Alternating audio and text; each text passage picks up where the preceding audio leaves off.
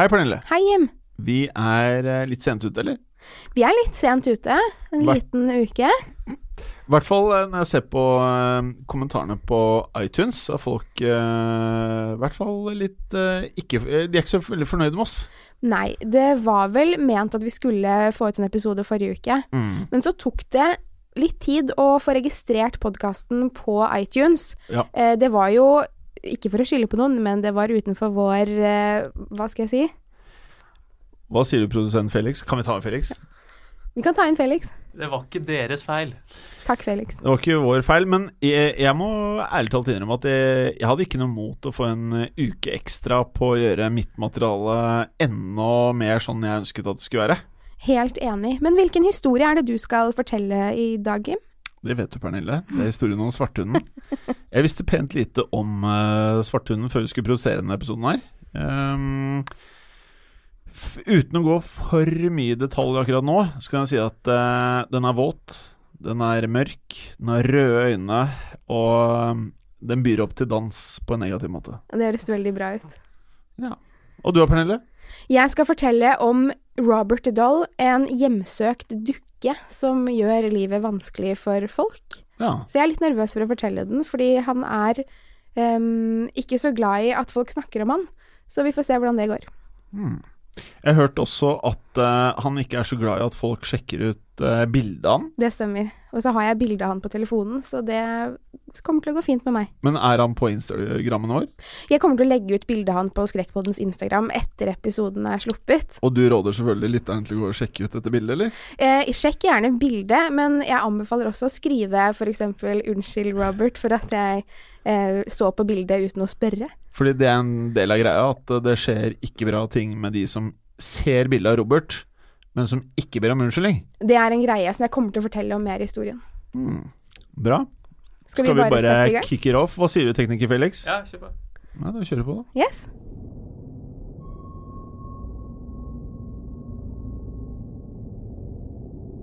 Robert Doll er en dukke som skal forestille en liten gutt. Ansiktet er ikke veldig detaljert, men har svarte knapper til øyne. Nesen er bare en liten forhøyning i ansiktet og med to små hull som skal forestille nesebor. Det mange reagerer på med dukken, er at han smiler. Ikke et hjertelig smil, men et lite, kaldt et. Robert Dull sitter på en liten stol. Han har på seg en hvit matrosdress og en hvit matroshatt.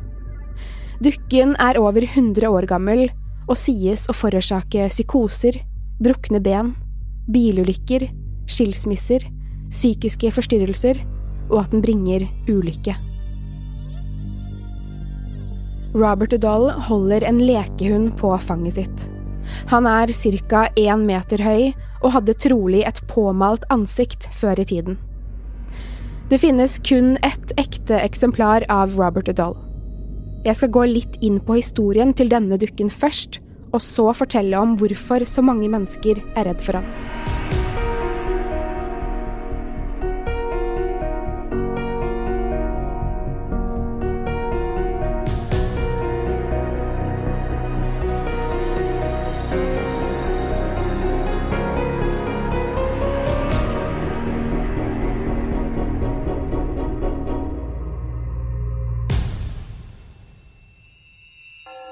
I 1904 får fire år gamle Robert Eugene Otto en dukke i gave fra bestefaren sin, som har vært på reise i Tyskland.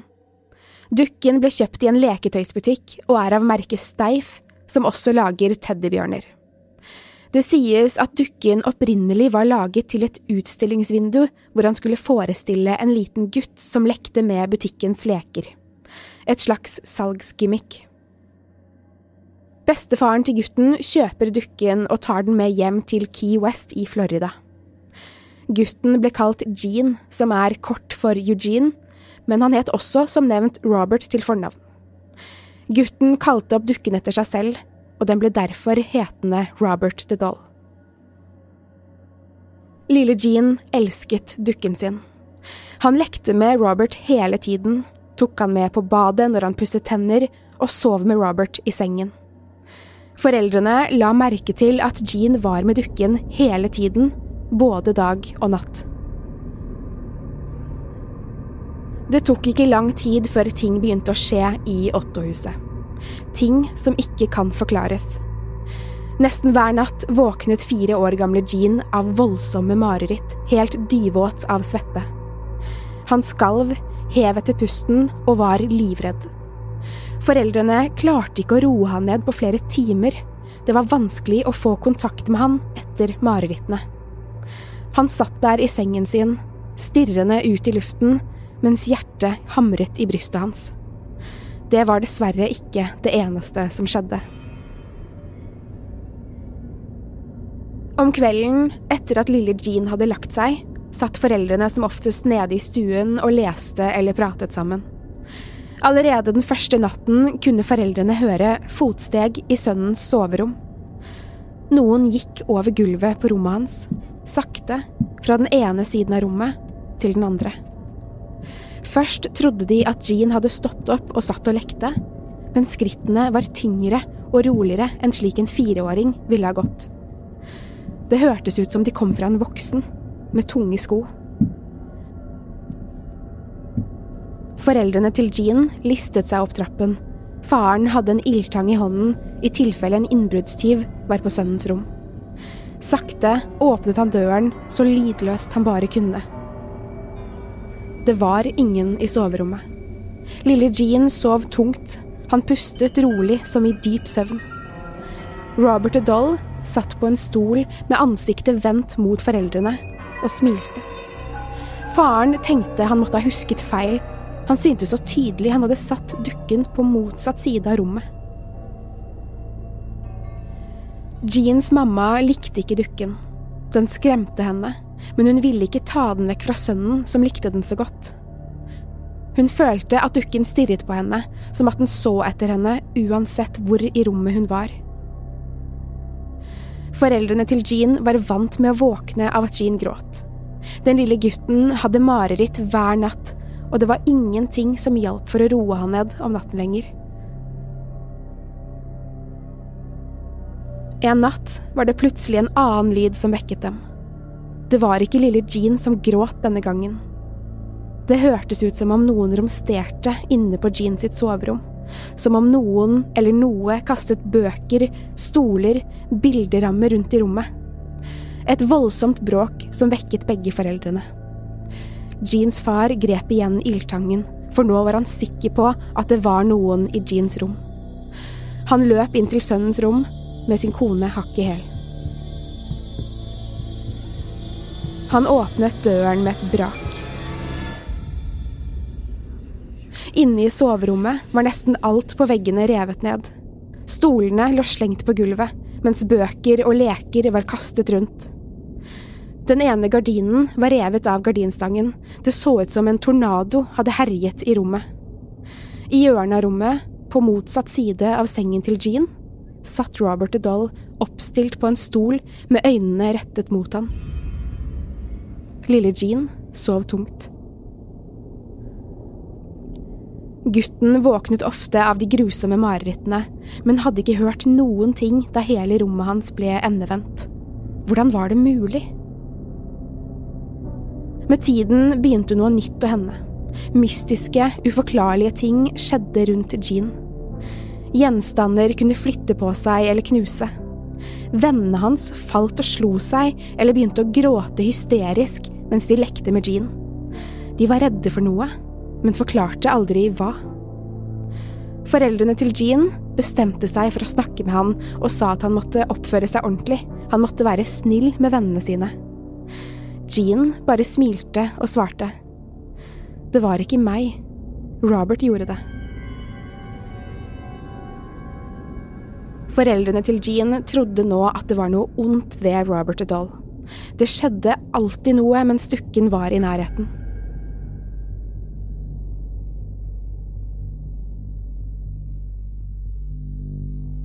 Da Jean ble eldre, orket ikke foreldrene mer.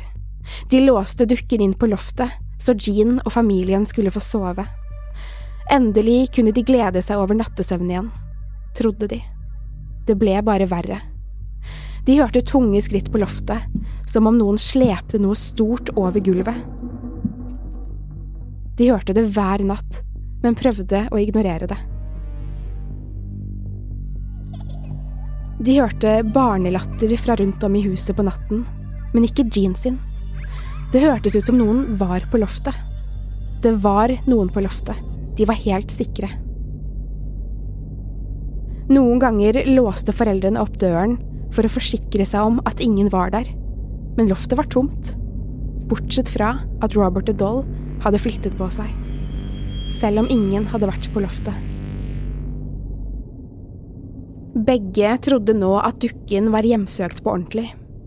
Det hvilte en ubehagelig stemning over huset.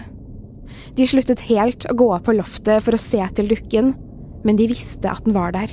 De visste at den flyttet seg rundt på loftet, men prøvde å glemme det.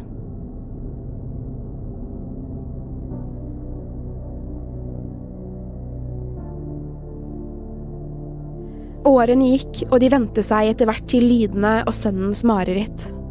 Familien våget ikke kvitte seg med dukken, i frykt for hva som kunne skje. Dukken eide dem nå.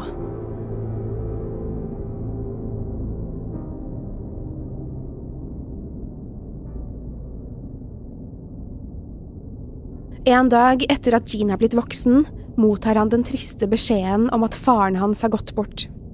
Faren hadde vært syk en stund, så det var ventet. Som familiens eneste barn arvet han barndomshjemmet sitt, og etter farens begravelse flyttet Jean og kona inn.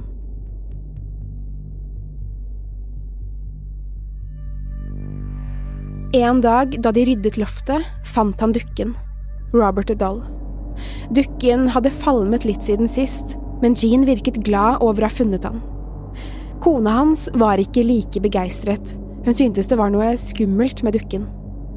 Jean ville plutselig ha Robert sittende på en stol ved siden av sengen deres mens de sov, akkurat som da han var barn. Jeans kone begynte snart å få mareritt. Grusomme mareritt. Hver gang hun våknet, skrikende, skjelvende og med hjertet i halsen, var Robert det første hun så. Den hadde flyttet på seg, nærmere henne. Noen ganger satt den ved sengekanten, andre ganger i enden av rommet. Hun sa til mannen sin at dukken måtte vekk, men Jean elsket dukken. Han tar med seg Robert overalt. Dukken er med når Jean sover, spiser, kjører. Robert Doll er med på alt. Kona blir mer og mer frustrert. Likevel biter hun ordene i seg og lar Jean ha med seg dukken hvor enn han går, for Jean er besatt av dukken. Akkurat som da han var barn, snakker Jean med Robert slik han ville snakket til et vanlig menneske.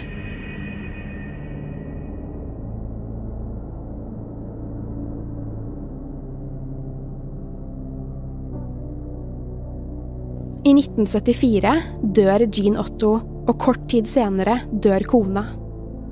Slektninger av Jean selger huset i Key West, og en barnefamilie flytter inn. Allerede den første natten begynner den yngste jenta i familien å få mareritt. Grusomme mareritt. Jenta skriker og hyler, våkner dyvåt av svette, og foreldrene klarer ikke roe henne ned. Så begynner ting å knuse og flytte på seg i rommet hennes. Hun faller ut av sengen og slår seg. Hun begynner å snakke til seg selv på et språk de ikke forstår. En dag spør moren datteren om hva som skjer med henne. Hun svarer, det var ikke meg. Robert gjorde det. Familien tror at dukken er hjemsøkt og bestemmer seg for å kvitte seg med den. De donerer Robert Udall til Fort East Martello Museum i Florida. De ansatte på museet legger merke til at Robert forandrer sittestilling, ansiktsuttrykk og at dukken flytter på seg. De merker også at alle som tar bilde av Robert Doll, skader seg. De brekker bena, kommer utfor en bilulykke eller blir veldig syke. Det må være den hjemsøkte dukken som plager dem, de som jobber på museet, advarer mot det. Derfor mottar Robert the Doll flere brev hver eneste dag hvor folk unnskylder seg fordi de tok bilde av han uten å spørre. I dag er Robert the Doll fortsatt på det samme museet, plassert i et glassmonter slik at han ikke skal flytte på seg. Men han gjør det likevel. Og brevene henges opp på veggen bak han. Så Robert, jeg beklager at jeg fortalte denne historien.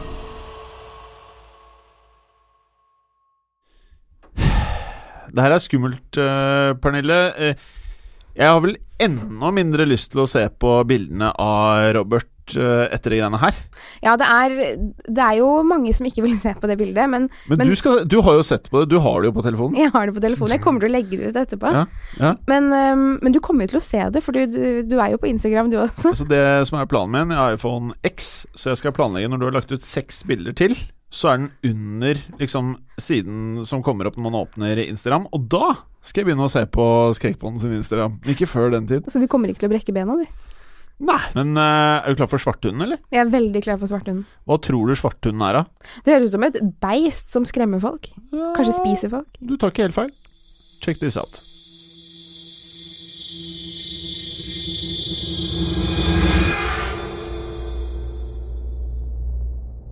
Jeg skal ta for meg et fenomen som har skremt mennesker i lang tid, både her i Norge, men også i andre land som England. Dette er også en historie om menneskets beste venn, nemlig hunden. Mens vi tenker på hunder som snille, trygge skapninger, som passer på oss og gir oss kjærlighet, så eksisterer det angivelig en annen type hund med helt andre intensjoner, nemlig gjenferdshunder. I Norge blir denne typen hund kalt for svarthunden, mens den i England kalles for black dog. Svarthund observeres gjerne på steder der det historisk har forekommet voldsomme hendelser, som henrettelser, steder der folk har blitt ofret, der det har vært slagmarker, eller steder der folk har blitt myrdet. Å se en svarthund betyr aldri gode nyheter. Tvert imot, de bringer som oftest budskap om død, og kan også gjerne lede til død.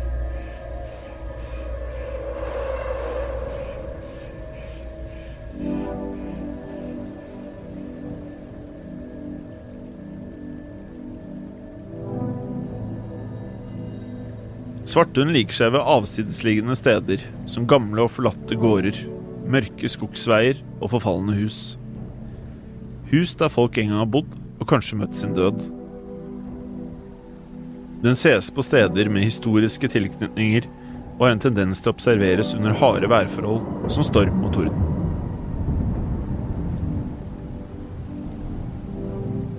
Svarthunden har lange tenner og rødlige øyne som lyser opp i mørket.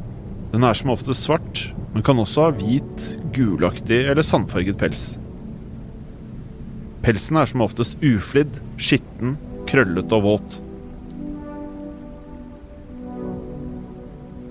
De fleste historiene vi har funnet om svarthunden, er mørke og dystre, slik som historiene jeg nå skal fortelle.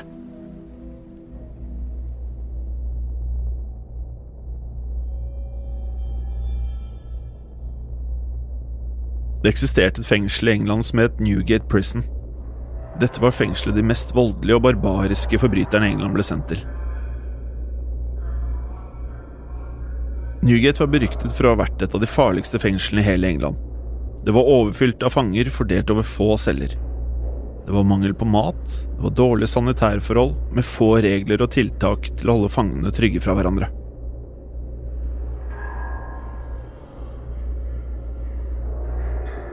Fangene sloss, torturerte og drepte hverandre for soveplasser, mat og klær.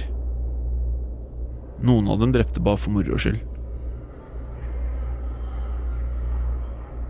Lukten i fengselet var uutholdelig, for det fløt av oppkast, urin, blod og ekskrementer. Dette førte til sykdommer og død, men de som døde ble sjelden hentet ut med det samme. De lå gjerne og råtnet i cellene, noe som spredte sykdommer, stank og andre ubehag. Ubehag som var uutholdelig for fangene. Stanken kunne kjennes bare man gikk forbi fengselsbygningen. De innsatte var desperate etter å komme seg vekk derfra, og flere prøvde å rømme.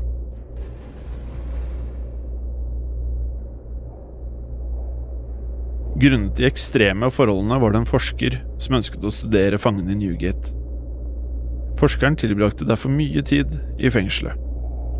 Han prøvde å intervjue flere fanger for å finne ut hvor ille det var å bo der, og om fangene angret på sine synder.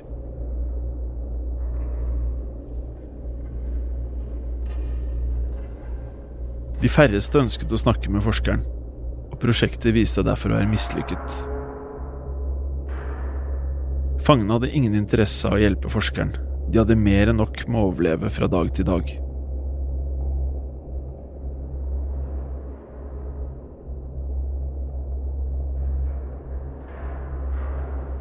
Fangene ble med tiden provoserte av forskeren og hans privilegier i fengselet. For han gikk rundt med sine fine klær, og han fikk mat og drikke, mens fangene, de var sultne og syke. En dag bestemte noen av fangene seg for å lære forskeren en skikkelig lekse.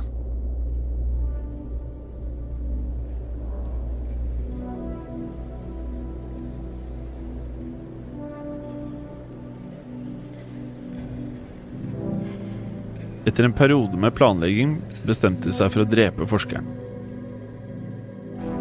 Slag mot skallen var metoden å foretrekke. Fangene var i kraftig overtall, og med få vakter i Newgate var det å ta forskeren av dage en rask affære. Og forskeren led en momentant død.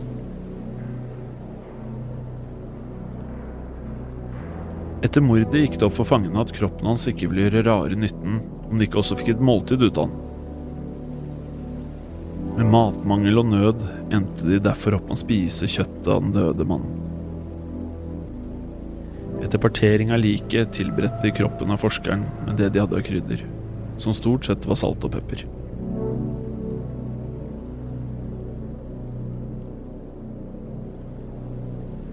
Etter at forskeren var drept og spist, begynte skumle ting å skje i fengselet.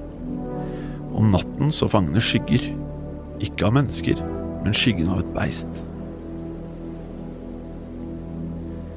De kunne høre beistets grove pust, at han knurret mot dem. Men de kunne ikke se selve skikkelsen. Men de følte hans nærvær hvert eneste sekund.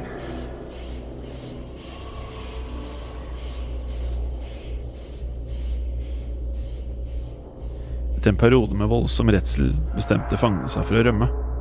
For de så alvoret i å komme seg vekk fra dette beistet. Beistet var svarthunden Grim.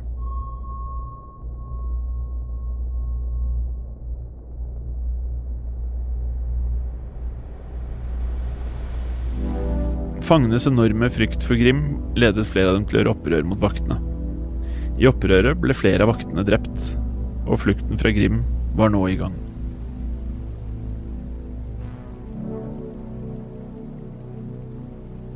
Flere av fangene klarte å komme seg ut, og rømte så langt unna fengselet de klarte.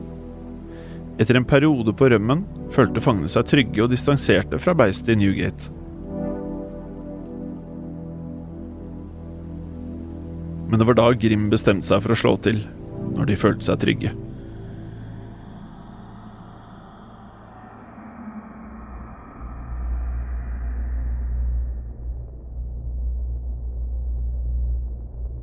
Han viste sitt vesen for første gang, og fangene var sjanseløse der de gjemte seg langs den avsidesliggende turstien. Der Grim med sine raske bevegelser og voldsomme kraft rev dem i stykker, én etter én. Men ikke på en dødelig måte. Han ønsket å skade de. Han lemlestet de før de døde. Han rev av dem armer, ben og tok voldsomme hugg i kroppen deres, der store stykker av kjøtt og blod ble revet og dratt ut av deres døende kropper. Og fangene ble aldri sett igjen. Siden den gang skal Grim ha vært den viktigste fengselsvokteren på Newgate Prison. Han skal ha holdt fangene i sjakk frem til fengselet stengte i 1902.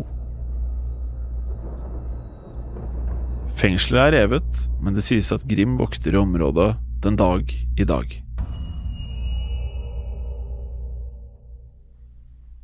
Jeg hadde for så vidt rett i at svarthunden både spiste og skremte mennesker, Jim. Det gjør han, og det vi ikke fikk tatt med her, det er jo rett og slett at eh, han vanker eh, Eller vanker en versjon av svarthunden like i nærheten her vi spiller inn podkasten, altså på Akershus festning. Det Eh, svarthunden der heter Malkanisen. Har du hørt om han? Jeg har ikke hørt om han, men jeg syns det lover dårlig for når man skal hjem etterpå. Kanskje, kanskje ikke. Det betyr at uh, vi egentlig har en episode til med svarthunden, uh, med Malkanisen. Jeg ønsket ikke å ta det med, jeg hadde tenkt å ta det med her, men jeg ønsket ikke å ta det med ettersom jeg fant en liten lead jeg må utforske. Og det er angivelig så eksisterer Malkanisen på et overvåkningskamera. Oi, Ja, Så jeg må sjekke den leaden før vi sier noe mer. spennende. Det rakk jeg ikke, selv ikke med en uken ekstra. Takk for i dag, eller? Ja, nå tror jeg vi bare takker for i dag. Takk for i dag, Felix. Takk for i dag. Takk skal du ha, Pernille. Og hold det skummelt. Hold det skummelt.